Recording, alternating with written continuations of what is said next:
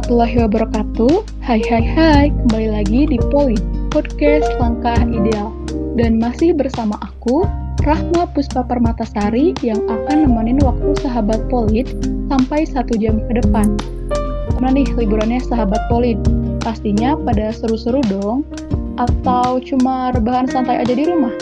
Tapi semoga yang lagi liburan dan yang lagi di rumah sehat selalu ya. Nah, pastinya sahabat Polit udah dengerin dong episode pertama podcast Langkah Ideal. Gimana nih, seru gak? Seru dong. Dan episode kali ini gak kalah seru guys dari episode sebelumnya. Karena tema podcast kali ini yaitu Chit Chat with MPH. Nah, dari tema aja udah ketebak dong narasumbernya siapa. Bener banget. Aku sekarang udah ditemenin sama Tri Mitra MPH yang super keren. Yuk, kita langsung kenalan aja. Halo, cek dong perkenalan diri dulu nih. Oke, halo teman-teman Polit. Uh, sebelumnya izinin aku buat memperkenalkan diri terlebih dahulu ya. Kenalin, nama aku Asgian Hanifah. Di sini aku dari MPH MJTK, yang mana sekarang diamanahi jadi wakil ketua internal MPH ya teman-teman. Oke, halo Teh Askia. Wah, ada teteh cantik kita nih. Oke, boleh mungkin lanjut kepada teteh siapa lagi nih? Halo semuanya. Uh, izin memperkenalkan diri ya, nama aku Sawa Alinaya. Sebelumnya di MPH MJTK ini juga aku diamanahi sebagai wakil ketua eksternal juga. Salam kenal semuanya. Uh, salam kenal Teh Sawa. Oke, satu lagi ada siapa nih ya? Boleh dong perkenalan dulu nih.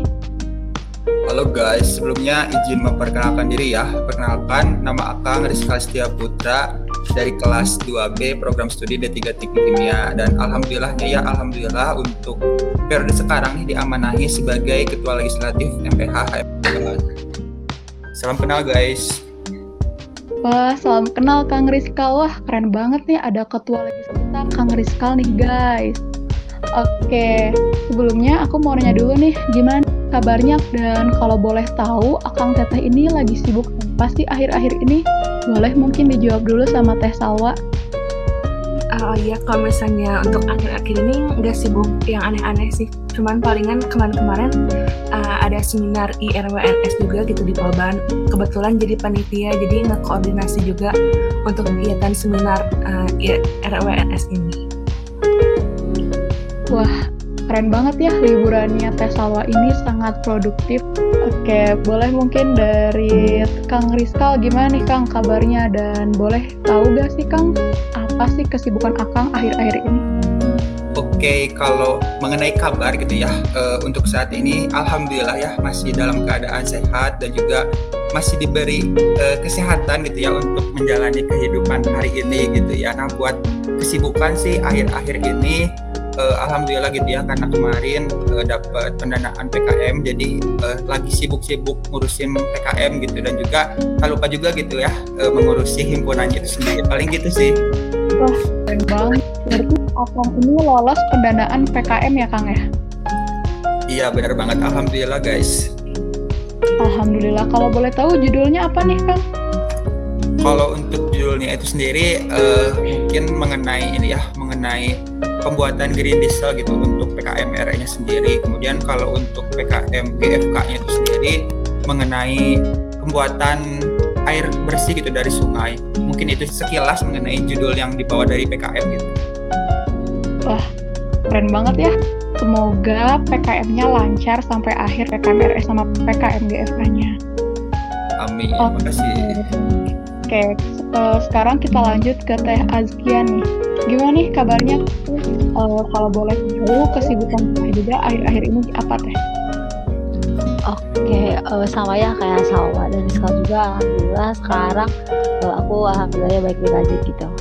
Terus kesibukan sejauh ini uh, kurang lebih hampir sama ya kayak mereka gitu. Ada aja kegiatan gitu.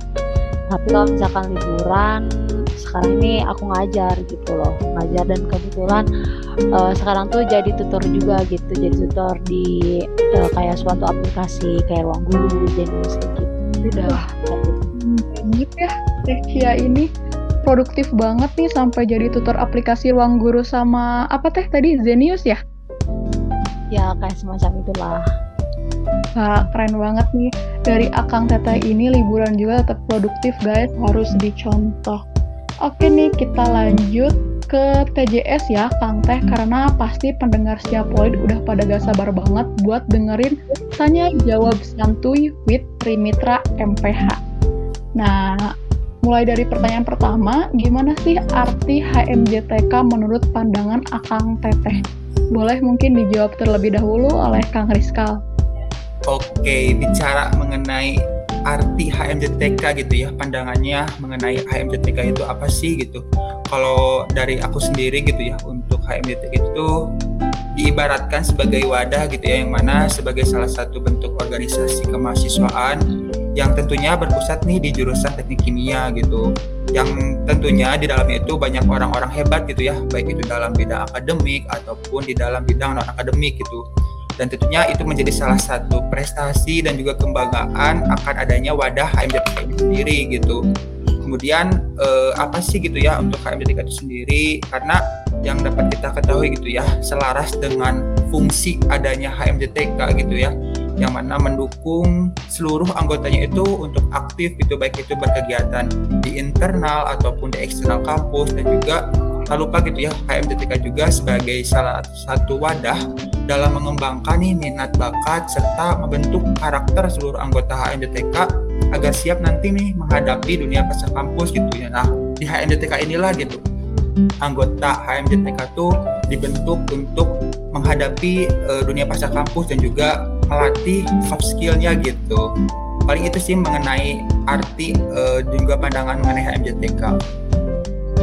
Oke, makasih banyak Kang. Berarti HMJTK ini keren banget ya, bisa menampung minat dan bakat seluruh warga HMJTK uh, dan membangun karakter untuk dunia pasca kampus di masa yang akan datang. Wah, keren banget. Uh, boleh mungkin dilanjut sama Teh Azkia. Oke, mungkin aku mau ngelengkapin ya sedikit dari Rizkal. Selain buat sebagai wadah minat dan juga bakat buat warga HMJTK sendiri, uh, aku tuh ngebaratin HMJTK tuh kayak keluarga gitu keluarga kedua setelah keluarga aku di rumah gitu karena kenapa karena uh, aku sendiri ya ngerasa kayak sibuk di organisasi itu mungkin orang mikirnya tuh wah pusing nih masuk himpunan kah atau apa gitu.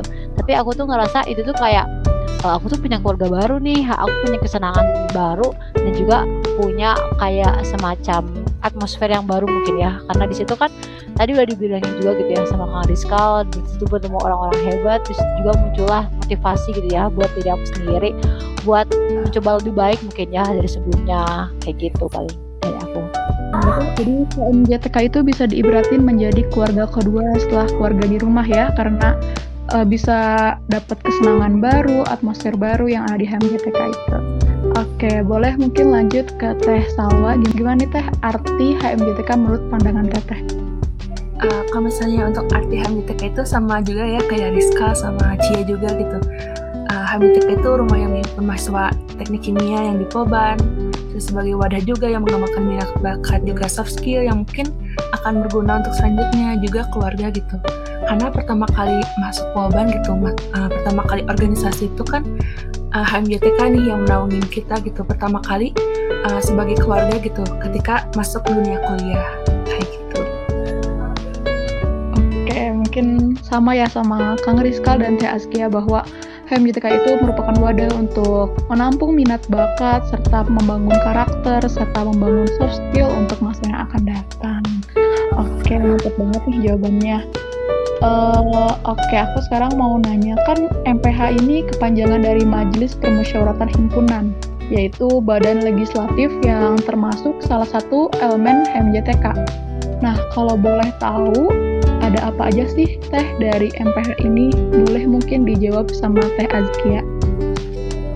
Oke, makasih ya pertanyaannya Rahma. Aku izin jawab ya terkait dari uh, apa aja sih yang ada di MPH ini. Nah, buat MPH sekarang itu tuh terdiri dari tiga komisi dan dua biro.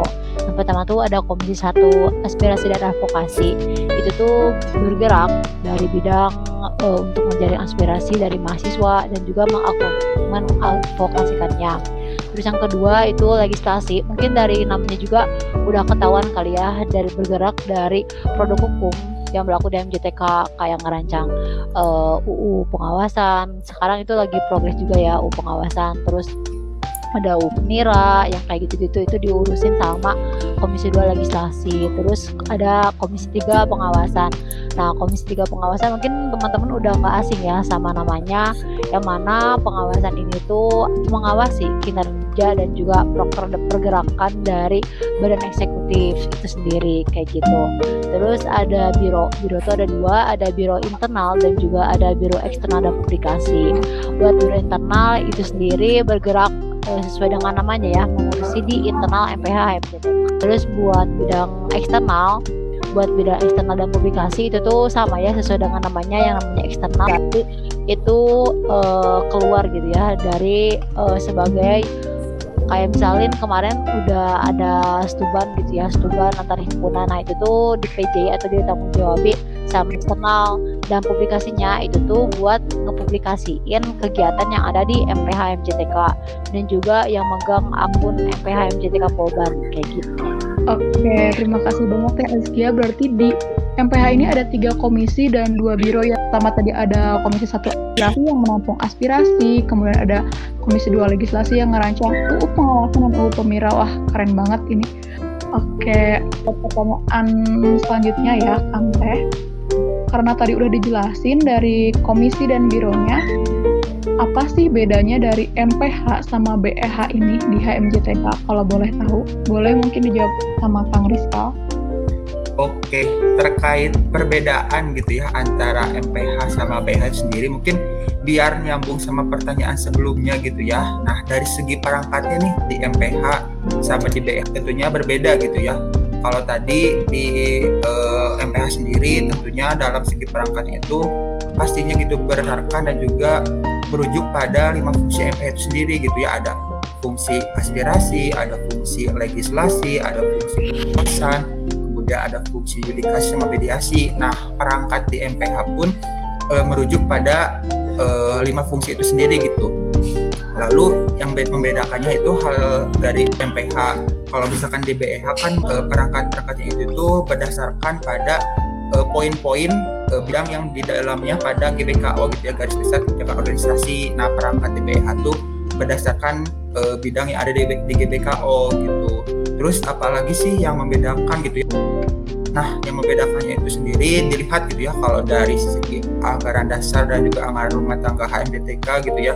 Dari segi strukturnya nih gitu ya dari segi strukturnya MPH ke BEH itu ada garis komando gitu ya yang berupa pemberian mandataris berupa GBKO gitu. Nah sedangkan kalau misalkan dari MPH ke anggota ada garis aspirasi gitu ya yang mana tujuannya yaitu gitu untuk uh, sebagai bentuk pengoptimalan fungsi dari MPH itu sendiri. Sedangkan kalau misalkan dari BEH ke anggota nih ada garis koordinasi gitu ya uh, yang mana uh, dalam melaksanakan uh, poin-poin di dalam GBKO tentunya BEH sama anggota harus ada uh, koordinasi gitu untuk menjalankannya. Kemudian apalagi sih yang membedakan gitu ya antara MPH sama BEH dan yang selanjutnya itu dari segi keanggotaannya nih kalau misalkan keanggotaan di MPH itu sendiri mesti dan wajib ada gitu perwakilan dari setiap kelasnya gitu yang mana sesuai dengan ang anggaran dasar dan anggaran tangga bahwa setiap kelas yang ada di uh, eh, HMTTK gitu ya di jurusan teknik kimia tuh mewajibkan tiga orang nih perwakilan dari setiap kelasnya untuk menjadi anggota MPH sedangkan kalau misalkan BEH gitu walaupun nanti gitu ke depannya uh, semisal gitu ya di setiap kelasnya itu tidak ada perwakilan ke BEH itu tuh tidak melanggar anggaran dasar dan juga anggaran rumah tangga yang ada. Tapi kalau misalkan ke depannya nih ada yang uh, di setiap kelasnya itu nggak ada yang masuk ke MPH nah itu termasuk uh, melanggar anggaran dasar rumah tangga. Ini kan nih antara PH sama MPH terus apalagi sih gitu ya yang membedakan yang membedakannya tadi gitu arah geraknya nih. Kalau misalkan MPH uh, arah geraknya dan juga melaksanakan uh, tugas dan fungsinya berdasarkan anggaran dasar anggaran rumah tangga yaitu menjalankan lima fungsi MPH dan juga membentuk GBKO gitu. Kalau misalkan BH uh, arah geraknya Eh, sama-sama menjalankan dan juga mengacu pada ADART gitu ya. Tapi untuk PH itu sendiri itu menjalankan uh, baik itu menjalankan program kerjanya itu tuh berdasarkan GBKO yang sudah disahkan sama uh, MPH kayak gitu. Mungkin ya terkait perbedaan antara MPH sama BH walaupun tetap gitu ya salah satu tujuan utamanya sama-sama MPH dan BH itu uh, sebagai wadah dan juga menghimpun anggotanya gitu dalam berorganisasi gitu ya. Mungkin itu sih Oke, banyak perbedaan dari MPH dan BH ini. Uh, tadi itu ada banyak ya, ada mungkin empat yang bisa aku rangkum itu. Yang pertama dari segi perangkat, kemudian ada dilihat dari anggaran dasar dan anggaran rumah tangga, kemudian dari segi keanggotaan. Kalau di MPH itu wajib ya Kang, dari setiap kelas itu wajib tiga orang perwakilan. Kemudian ada arah gerak dari MPH dan BH yang membedakannya itu uh, yang pertama MPH itu menjalankan lima fungsi, dan BH itu menjalankan proker dan pergerakannya sesuai GBKO yang telah disetujui oleh MPH. Oke, kalau boleh Bu, fungsi cerita yang ada di MPH itu seperti apa dan bagaimana mengatasinya? Boleh mungkin dijawab sama Teh Azkia. Oke, aku izin jawab ya terkait dari pertanyaan dari Rahma gitu. Berbicara dari kesulitan itu pastinya eh, nggak uh, pernah dipungkiri gitu ya yang namanya kehidupan yang namanya organisasi itu bakal lepas yang namanya kesulitan gitu. Nah berbicara buat MPH nih pasti ada aja gitu ya beberapa kesulitan yang emang uh, kita alami gitu sejauh ini.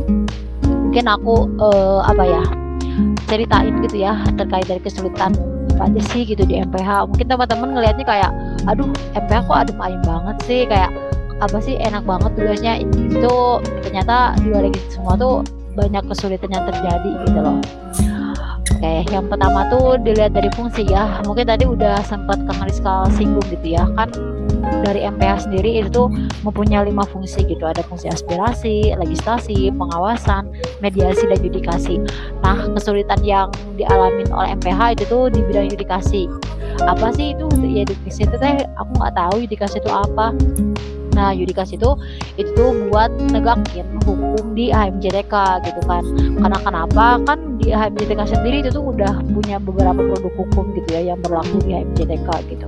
Ada AD dan juga ada ART gitu. Nah, masih banyak nih kesulitan uh, buat menegakkan hal tersebut gitu.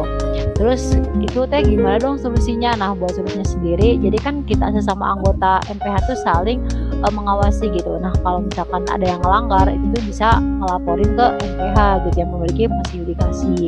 Jadi uh, buat solusinya gitu ya. Tadi kan masalahnya tuh kita tuh bingung gitu ya, gimana sih gitu cara negakinnya gitu, cara negakin uh, terkait dari undang-undang uh, yang berlaku di GTK gitu. Jadi buat dari investing mengawasi produk hukum yang dibuat tuh menganggota dalam suatu organisasi gitu. sehingga dalam pelaksanaannya uh, untuk mengontrol hal tersebut perlu dibantu sama anggotanya juga kayak gitu terus buat kesulitan yang kedua itu tuh kan salah satu fungsi uh, eh, MPL fungsi aspirasi gitu yang mana aspirasi ini tuh menjaring uh, aspirasi dari mahasiswa JTK gitu apakah itu tingkat awal tingkat akhir ataupun mereka yang ingin mengadvokasikannya ataupun yang ingin mengaspirasikan gitu ya terkait dari uh, harapan ataupun saran gitu terkait dari HMJTK gitu.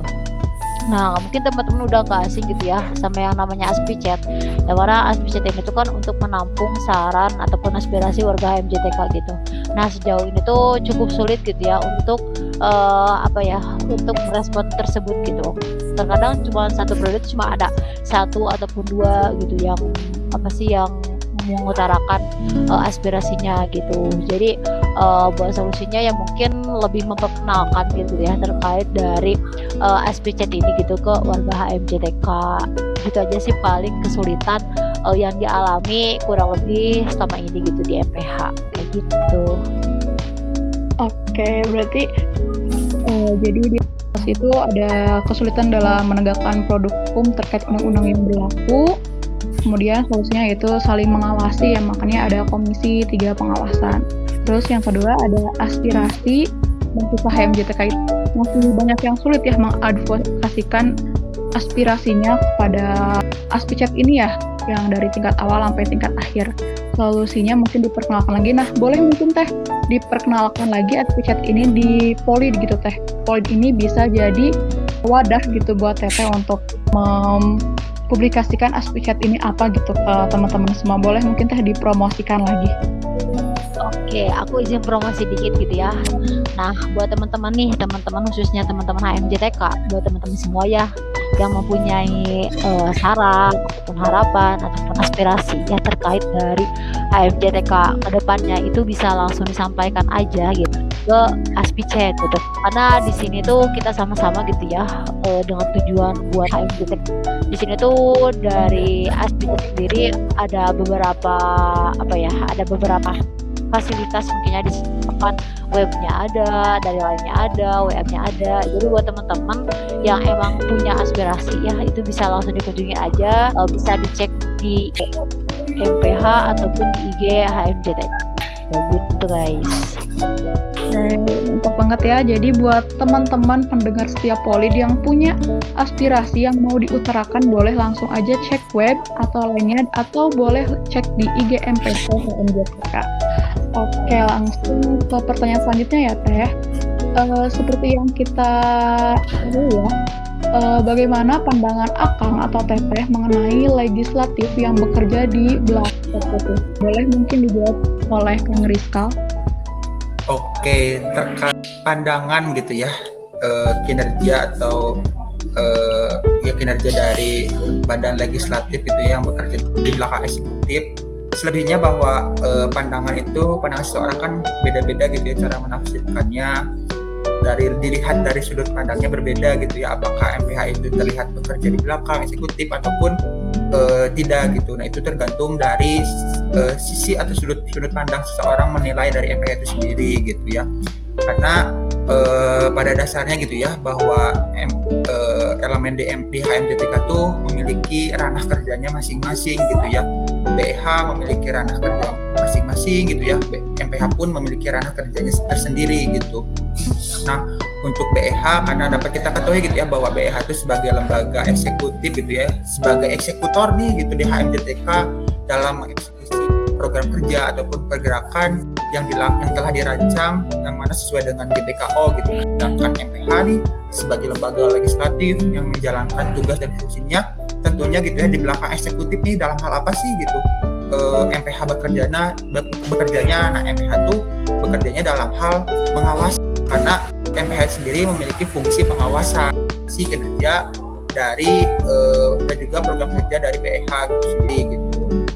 Nah karena MPH itu tuh kerjanya di belakang eksekutif gitu ya karena uh, mungkin tidak terlihat gitu ya uh, sama anggota uh, HMDTK yang lainnya gitu. Apakah MPH itu bekerja atau tidak gitu. Karena tadi gitu karena MPH bekerjanya di belakang dalam mengawasi dan juga mengevaluasi uh, program kerja dan juga kinerja dari uh, departemen ataupun biro yang ada di BEH selain itu juga nih di samping hal tersebut gitu ya MPH pun di belakang tuh bekerja gitu dalam hal hal, hal apa sih gitu.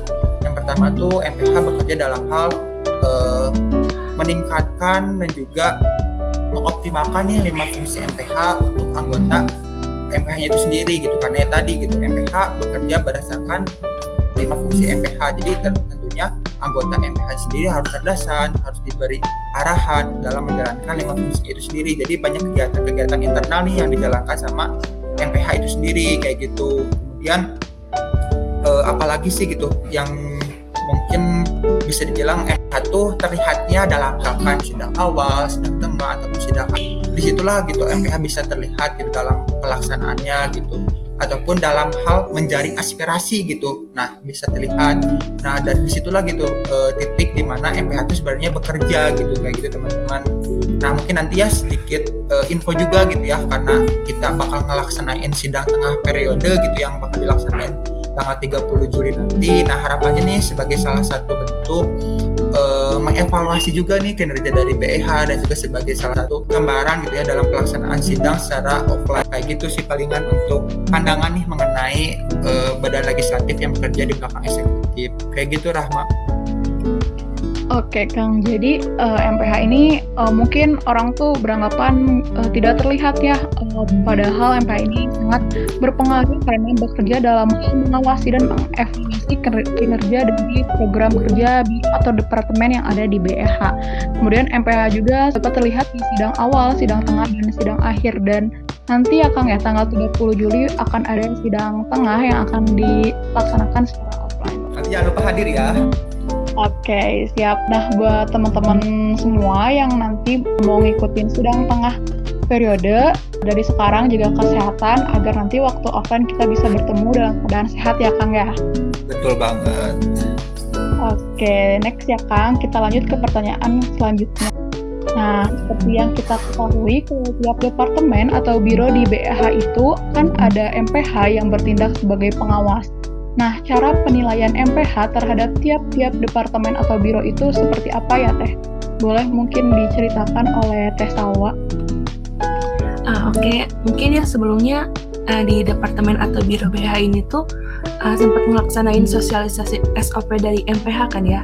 Nah di, uh, di situ juga pengawasan menjelaskan gitu bagaimana penilaiannya uh, kayak penilaian proker ataupun penilaian pergerakan yang ada di BEH sendiri gitu.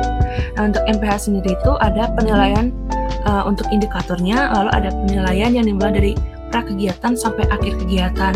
Nah untuk dari pra kegiatan sampai akhir kegiatan ini ada tujuh poin yang mungkin nanti bisa dilihat gitu di raport departemen atau biro masing-masing yang dikasih sama pengawas. Nah, kalau misalnya penilaian itu uh, dapat dari mana sih? Nah, kan pengawas itu join ke apa ya namanya kayak rapat departemen gitu ya. Kalau misalnya di departemen ataupun rapat biro. Uh, nah, di situ tuh pengawas uh, ngecek gitu kehadirannya dicek, terus tuh kayak uh, keaktifan dari masing-masing uh, staff muda, staff ahli juga dicek, terus dicek juga hal-hal uh, lainnya gitu. Nah itu tuh sangat mempengaruhi penilaian yang ada uh, di pengawasan ini. Selain itu juga kayak kegiatannya apakah berjalan lancar ataupun ada kendala. Dan nanti juga pengawas juga bisa membantu gitu memberikan kritik ataupun saran ketika kegiatan berlangsung juga bisa dituliskan nanti ketika di penilaian itu sendiri. Seperti itu.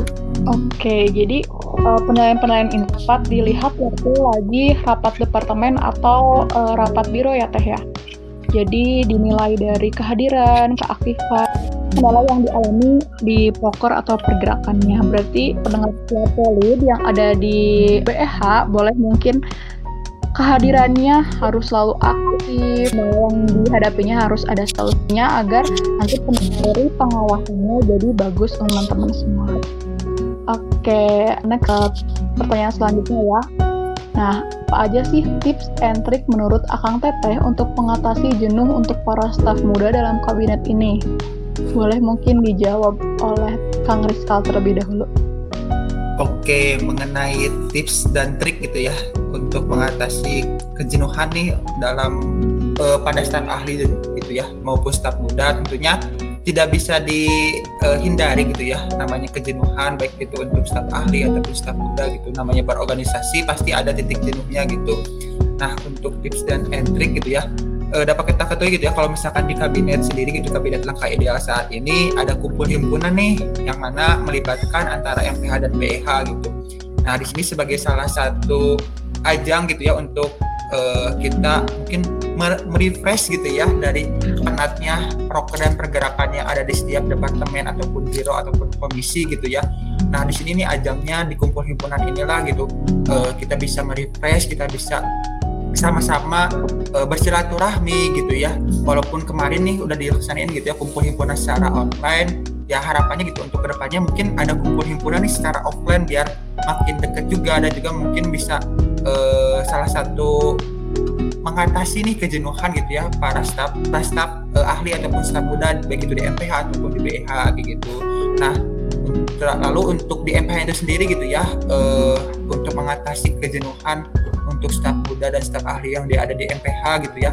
Karena uh, di MPH sendiri ada biro gitu ya yang mengatasi dan juga tanggung jawab. Nah ada salah satu nih kegiatan di biro internal tuh MPH Adventure gitu. Nah di MPH Adventure itu kadang kita main bareng gitu ya kita healing itu ke alam atau ke mana pun gitu ya. Nah itu bisa menjadi salah satu nih untuk mengatasi kejenuhan uh, staf muda maupun staf ahli di MPH terutama kayak gitu paling dari aku Wah, keren banget ya. Uh, tadi ada MPH Adventure, keren banget main ke alam. Dan mungkin oh, tadi ada kumpul himpunan, uh, semoga nanti ke depannya bisa offline kumpul himpunannya agar lebih terasa kedekatannya dan silaturahminya. Oke, mungkin lanjut ke Teh Azkia. Uh, apa aja tips and trik menurut Teh untuk mengatasi jenuh para staf muda dalam kabinet ini? Mau nambahin ya ini nggak terkhusus buat staf muda di MPH aja gitu tapi buat staf muda uh, semuanya gitu ya. Paling yang pertama munculin rasa senang dulu ya ke teman-teman semua. Karena kenapa? Karena meskipun banyak proker pergerakan banyak tugas kalau misalkan dasarnya kita senang yaitu kita gak bakalan ada tuh yang namanya jenuh gitu. Karena pada dasarnya kita suka kita senang kita enjoy yaitu oke-oke aja gitu. Nggak ada tuh gak bakalan ngerasa jenuh kayak gitu terus kalau misalnya nih buat teman-teman yang sekarang lagi jenuh itu jangan ambil pusing kayak aduh kenapa ya aku kok aku jenuh sih? Aduh kenapa aku mulus kayak gini? Ya itu nggak apa-apa gitu. Kalian nikmatin aja ketika jenuh juga gitu. Karena kenapa? Karena setiap orang tuh pasti mempunyai fasenya gitu. Ada fase jenuh fase semangat fase kesel fase bete ya itu wajar lah namanya juga manusia gitu. Jadi ketika teman-teman jenuh teman-teman nggak apa-apa. Teman-teman buat ngeluh buat ya buat teman-teman. Uh, aku pengen ini ih kenapa capek? Gak apa-apa gitu. Tapi tetap satu jangan sampai buat nyerah kayak gitu. Terus yang kedua jangan beban gitu. Karena kenapa? Karena ketika teman-teman nih dikasih beban gitu ya atau enggak teman-teman dikasih amanah gitu buat menjadi penanggung jawab proker ataupun pergerakan gitu di HMJTK gitu. Terus teman-teman tuh ngerasa pusing aduh aku jadi PJ nih ih gimana dong? Aku belum bisa nih aku banyak tugasnya aku pusing itu ini. Pokoknya teman-teman jangan memusingkan hal itu gitu. Karena apa teman uh, semua yang teman-teman takutin itu tuh belum tentu terjadi gitu. Emang nggak apa-apa gitu karena ketakutan tuh ya itu wajar-wajar aja gitu. Karena kalau misalkan teman-teman keseringan kayak gitu ya nanti akhirnya teman-teman tuh bakalan jenuh gitu loh.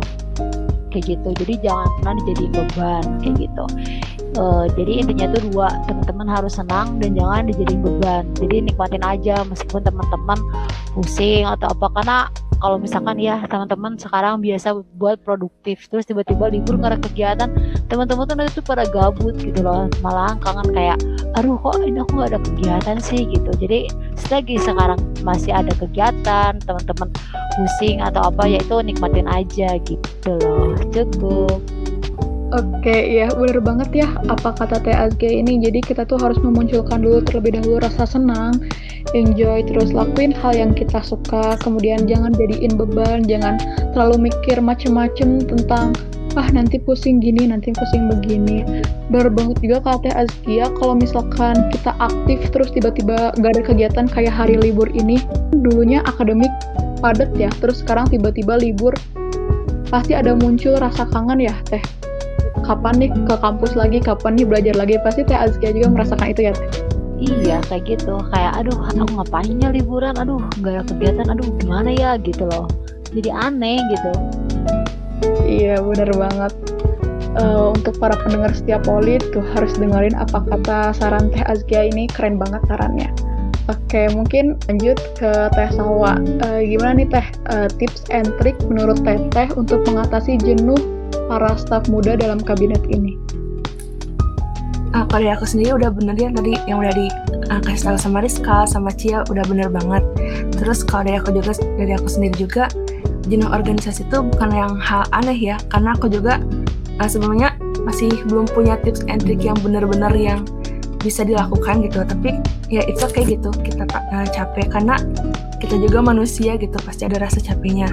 Kalau menurut aku gitu uh, redain jenuh kalian dengan cara apa pun yang menurut kalian bisa mengurangi jenuh kayak ada healing ataupun diem di rumah bisa tidur seharian itu tuh uh, termasuk healing juga kan ya bisa meredakan jenuh bisa menghilangkan beban yang ada di pikiran. Terus uh, itu kalau di MPH sendiri ada sistem kayak take leave gitu kan yang di mana uh, teman-teman MPH itu bisa minta waktu semacam cuti di mana uh, bisa minta uh, waktu untuk rehat. Kalau misalnya bilang ke kakom ataupun ke kabirnya teh kang aku capek uh, capek kegiatan di MPH capek kegiatan di lain boleh minta istirahat gak? Pasti dikasih gitu. Karena kalau misalnya udah banyak beban tapi tetap disuruh kerja kan yang akan bener gitu nantinya. Uh, selain itu juga aku suka mikir gitu uh, apa yang aku jalanin ini tuh bakal usai nantinya pasti uh, hal yang aku jalanin sekarang itu bakal jadi kenang-kenangan. Aku pernah capek aku pernah lelah gitu. Pasti ada bakal ada kenang-kenangan kayak oh dulu aku pernah ikutan ini udah capek banget tapi aku bisa ngelewatin. Itu tuh uh, semacam kayak kenang-kenangan gitu untuk diri sendiri kayak oh, keren banget aku udah sampai uh, sejauh ini. Dari aku kayak gitu. Oke, okay, mantap banget nih saran dari Teh Salwa ya. Nah, kalau misalkan kita ngerasa jenuh itu harus healing atau diem di rumah, tidur seharian juga bisa dan itu keren banget ada sistem take a leave waktu untuk rehat ya untuk uh, para staff muda di MPH yang bisa uh, cuti dulu, minta cuti untuk rehat. Nah, bener banget terus juga bisa dijadikan kenang-kenangan untuk kita di masa yang akan datang kayak bisa jadiin flashback gitu ya wah kita dulu bisa pernah survive di dunia himpunan dengan segiat ini dan bisa menjadikan bekal juga ya untuk masa depan apa yang udah kita survive di himpunan ini. Oke. Okay. Uh, eh, mungkin lanjut ke pertanyaan selanjutnya. Bagaimana cara Akang Teteh untuk memotivasi diri sendiri dan cara membagi waktu untuk urusan akademik dengan himpunan? Boleh mungkin dijawab terlebih dahulu oleh Teh Azkia. Jawab ya terkait dari uh, gimana sih atau apa sih motivasi buat diri aku sendiri gitu ya. Uh, dan juga gimana sih cara membagi antara waktu akademik dan juga himpunan. Oke, sebenarnya nggak ada uh, motivasi yang spesial ya buat aku sendiri gitu khususnya. Jadi kalau misalkan aku jenuh nih, ya aku ingat tujuan awal aku gitu. Aku uh, akademik atau aku masuk ke tuh mau ngapain gitu karena kalau aku tuh kan setiap orang tuh pasti mempunyai cara yang beda-beda gitu ya buat memotivasi dirinya sendiri gitu. Kalau misalkan e, cara aku itu tuh jadi ya aku munculin aja gitu kayak niat awal aku tuh apa masuk korban gitu. Oh, aku pengen dapet ini pengen ini. Jadi ketika uh, semangat aku udah reda aku harus dapet nih tujuan ini atau enggak kayak ketika aku tuh udah kayak aduh aku males ini. Terus ketika lihat orang lain gitu ya kayak misalin aku sama Rizka sama Sawa terus aku tuh kayak lagi stuck gitu lagi males buat ngapa-ngapain.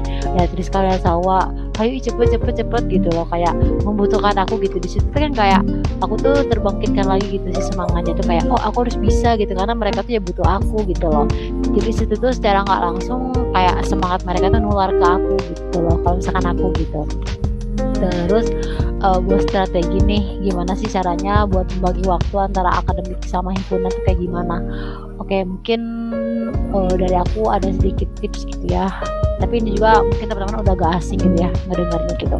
Yang pertama tuh teman-teman harus di skala prioritasnya dulu.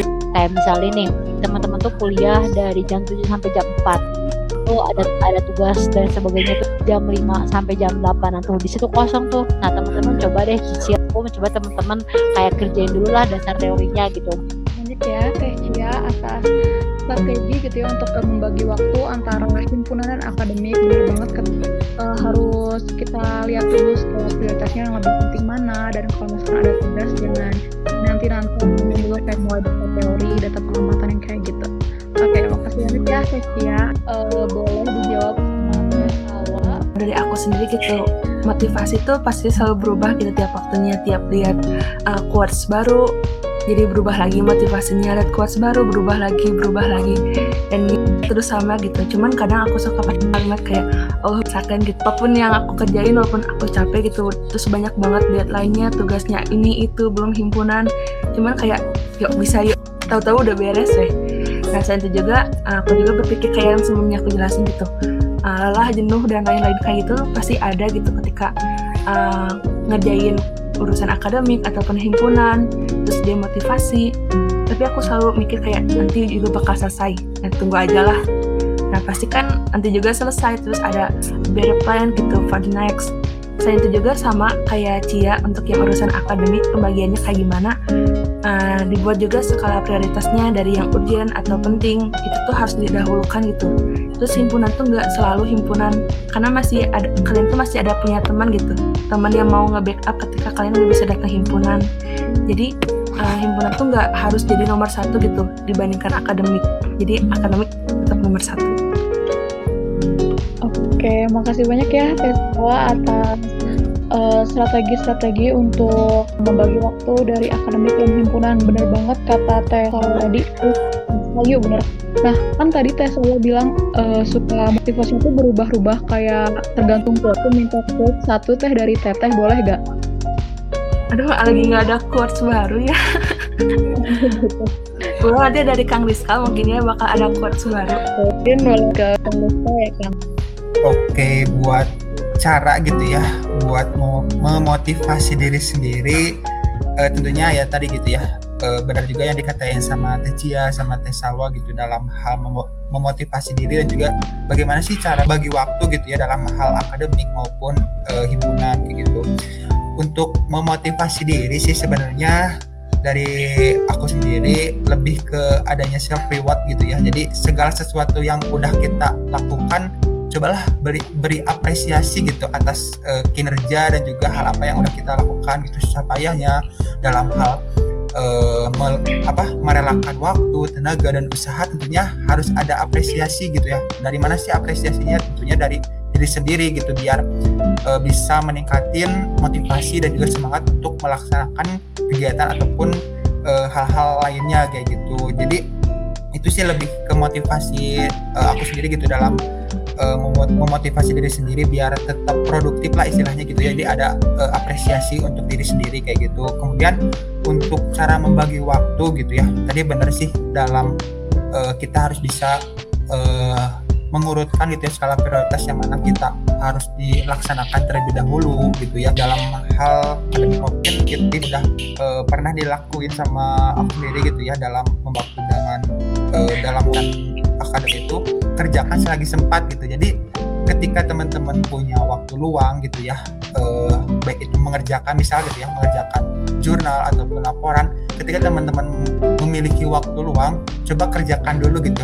Setidaknya setengahnya lah gitu dalam uh, mengerjakan jurnal ataupun, laporan. Karena kenapa sih gitu? Karena kita tidak tahu gitu ke depannya dalam kegiatan uh, himpunan ataupun akademik ke depannya yang mungkin bisa mengganggu uh, kegiatan akademik kita gitu himpunannya gitu. Nah makanya ketika teman-teman dihadapi dan diberi tugas coba kerjakanlah selagi sempat gitu. Jangan nunggu nanti ketika uh, di sini ada misalkan gitu ya di himpunan ada kegiatan kemudian aduh akademik uh, belum. Nah jangan sampai teman-teman bisa uh, di posisi tersebut gitu karena mungkin nanti malah jadi gak benar kedua-duanya gitu gak benar ke himpunannya gak benar ke akademiknya teman-teman harus merelakan salah satu gitu mana yang mau di teman-teman kerjain gitu apakah himpunan terlebih dahulu ataupun akademik ter terlebih dahulu. Nah makanya untuk mengatasi hal tersebut uh, coba buat kerjakan selagi sempat kayak gitu sih.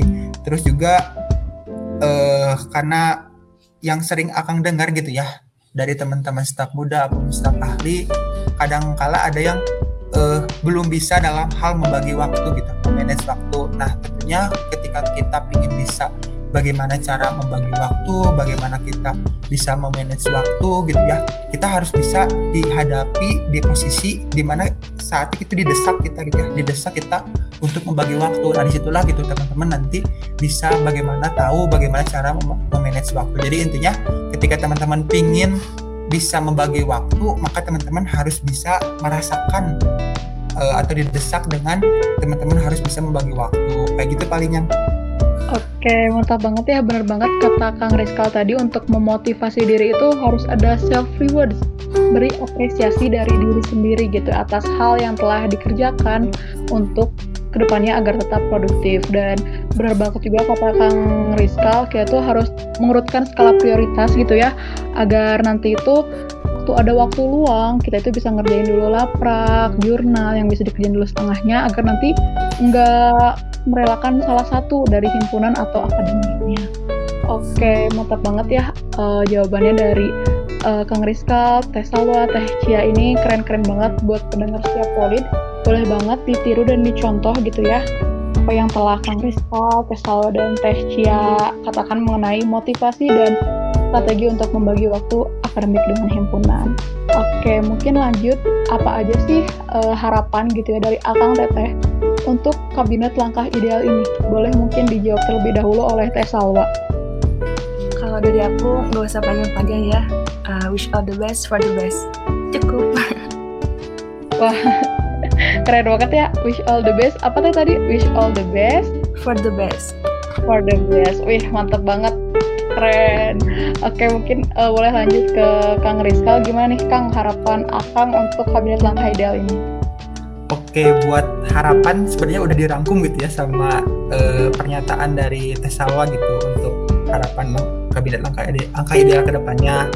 Nah, mungkin sedikit buat merincikan gitu ya dari yang pernyataan dari Tesawa untuk harapan eh, sendiri sih semoga ya pertama gitu ya kita eh, elemen di dalamnya di HMD sendiri bisa tetap kompak, bisa tetap solid, bisa tetap bekerja sama gitu ya dalam mewujudkan visi dan misi dari HMD gitu. Kemudian harapannya dengan ada eh, di kabinet ini bisa mudah sama, bisa mencari dan juga memperdalam eh, bekal gitu ya ketika nanti teman-teman staf muda menjalani kepengurusannya gitu. Nah di kabinet langkah ideal inilah gitu ya teman-teman gali terus yang dirasa sama teman-teman staf muda kurang, yang dirasa teman-teman staf muda penasaran gitu ya hal apa aja yang harus dipersiapin untuk nanti ke depannya. Nah mumpung ada saatnya gitu ya, mumpung ada waktunya di kabinet langkah ideal ini teman-teman terus gali gitu ya ilmu-ilmu terkait eh, organisasi kayak gitu. Paling itu aja sih harapannya ke depannya. Oke, makasih banyak ya Kang. Amin, amin. Semoga harapan yang telah Akang katakan tadi semoga terijabah oleh Allah SWT. Kemudian eh, untuk Teh Cia, gimana nih Teh harapan Teteh untuk Kabinet Langkah Ideal ini? Paling dari aku satu aja sih makin erat kekeluargaannya dan solidaritasnya. Oke, makin erat kekeluargaannya dan solidaritasnya. Oke, mantap banget. Makasih banyak ya Teh Cia. Semoga ke depannya kabinet langkah ideal ini dan kabinet-kabinet yang akan datang ke pengurusannya semoga makin erat kekeluargaannya dan solidaritasnya. Oke, aku mungkin boleh gak minta dua kata gitu untuk poin dari Kang Rizal sama Teh Azkia sama Teh Sawa. Boleh mungkin dari Kang Rizal terlebih dahulu. Oke, dua kata buat Polin ya. Eh, apa ya? Eh, keren banget lah. Pokoknya gitu aja sih. Oke, keren banget ya. Aduh, tim Poli jadi seneng banget dibilang keren gitu sama Kang Rizka. Sama ketua legislatif bilang keren. Mantap banget. Makasih banyak, Kang. Oke, dari Teh Cia gimana Teh? Dua kata untuk Poli. Dari aku, dari aku mantap keren aja deh. Mantap, keren. Oke, makasih banyak Teh Cia. Kalau dari Teh Solo gimana nih Teh? Kalau dari aku cool abis, tapi abisnya itu kayak A B I E Z Z Z Z Z Z. Oke, biar kayak anak zaman sekarang gitu ya Teh. Cool abis gitu ya Teh. Pakai Z. Oke, mantap banget. Makasih banyak ya, Teh Salwa.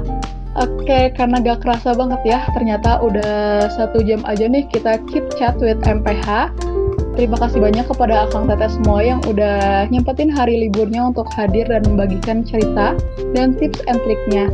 Semoga apa yang telah diharapkan oleh Akang Teteh untuk kabinet langkah ideal ini terkabul, dan semoga Akang Teteh semua sukses dan sehat selalu. Dan terima kasih juga kepada para pendengar setia Polid yang udah dengerin episode Chit Chat with MPH. Pantengin terus podcast Langkah Ideal ini karena masih akan ada lagi episode-episode yang gak kalah keren. Jangan lupa like, comment, and subscribe ya. Oke, wassalamualaikum warahmatullahi wabarakatuh. Terima kasih banyak Akang Teteh. Waalaikumsalam. Terima kasih banyak juga. Terima kasih Rahma.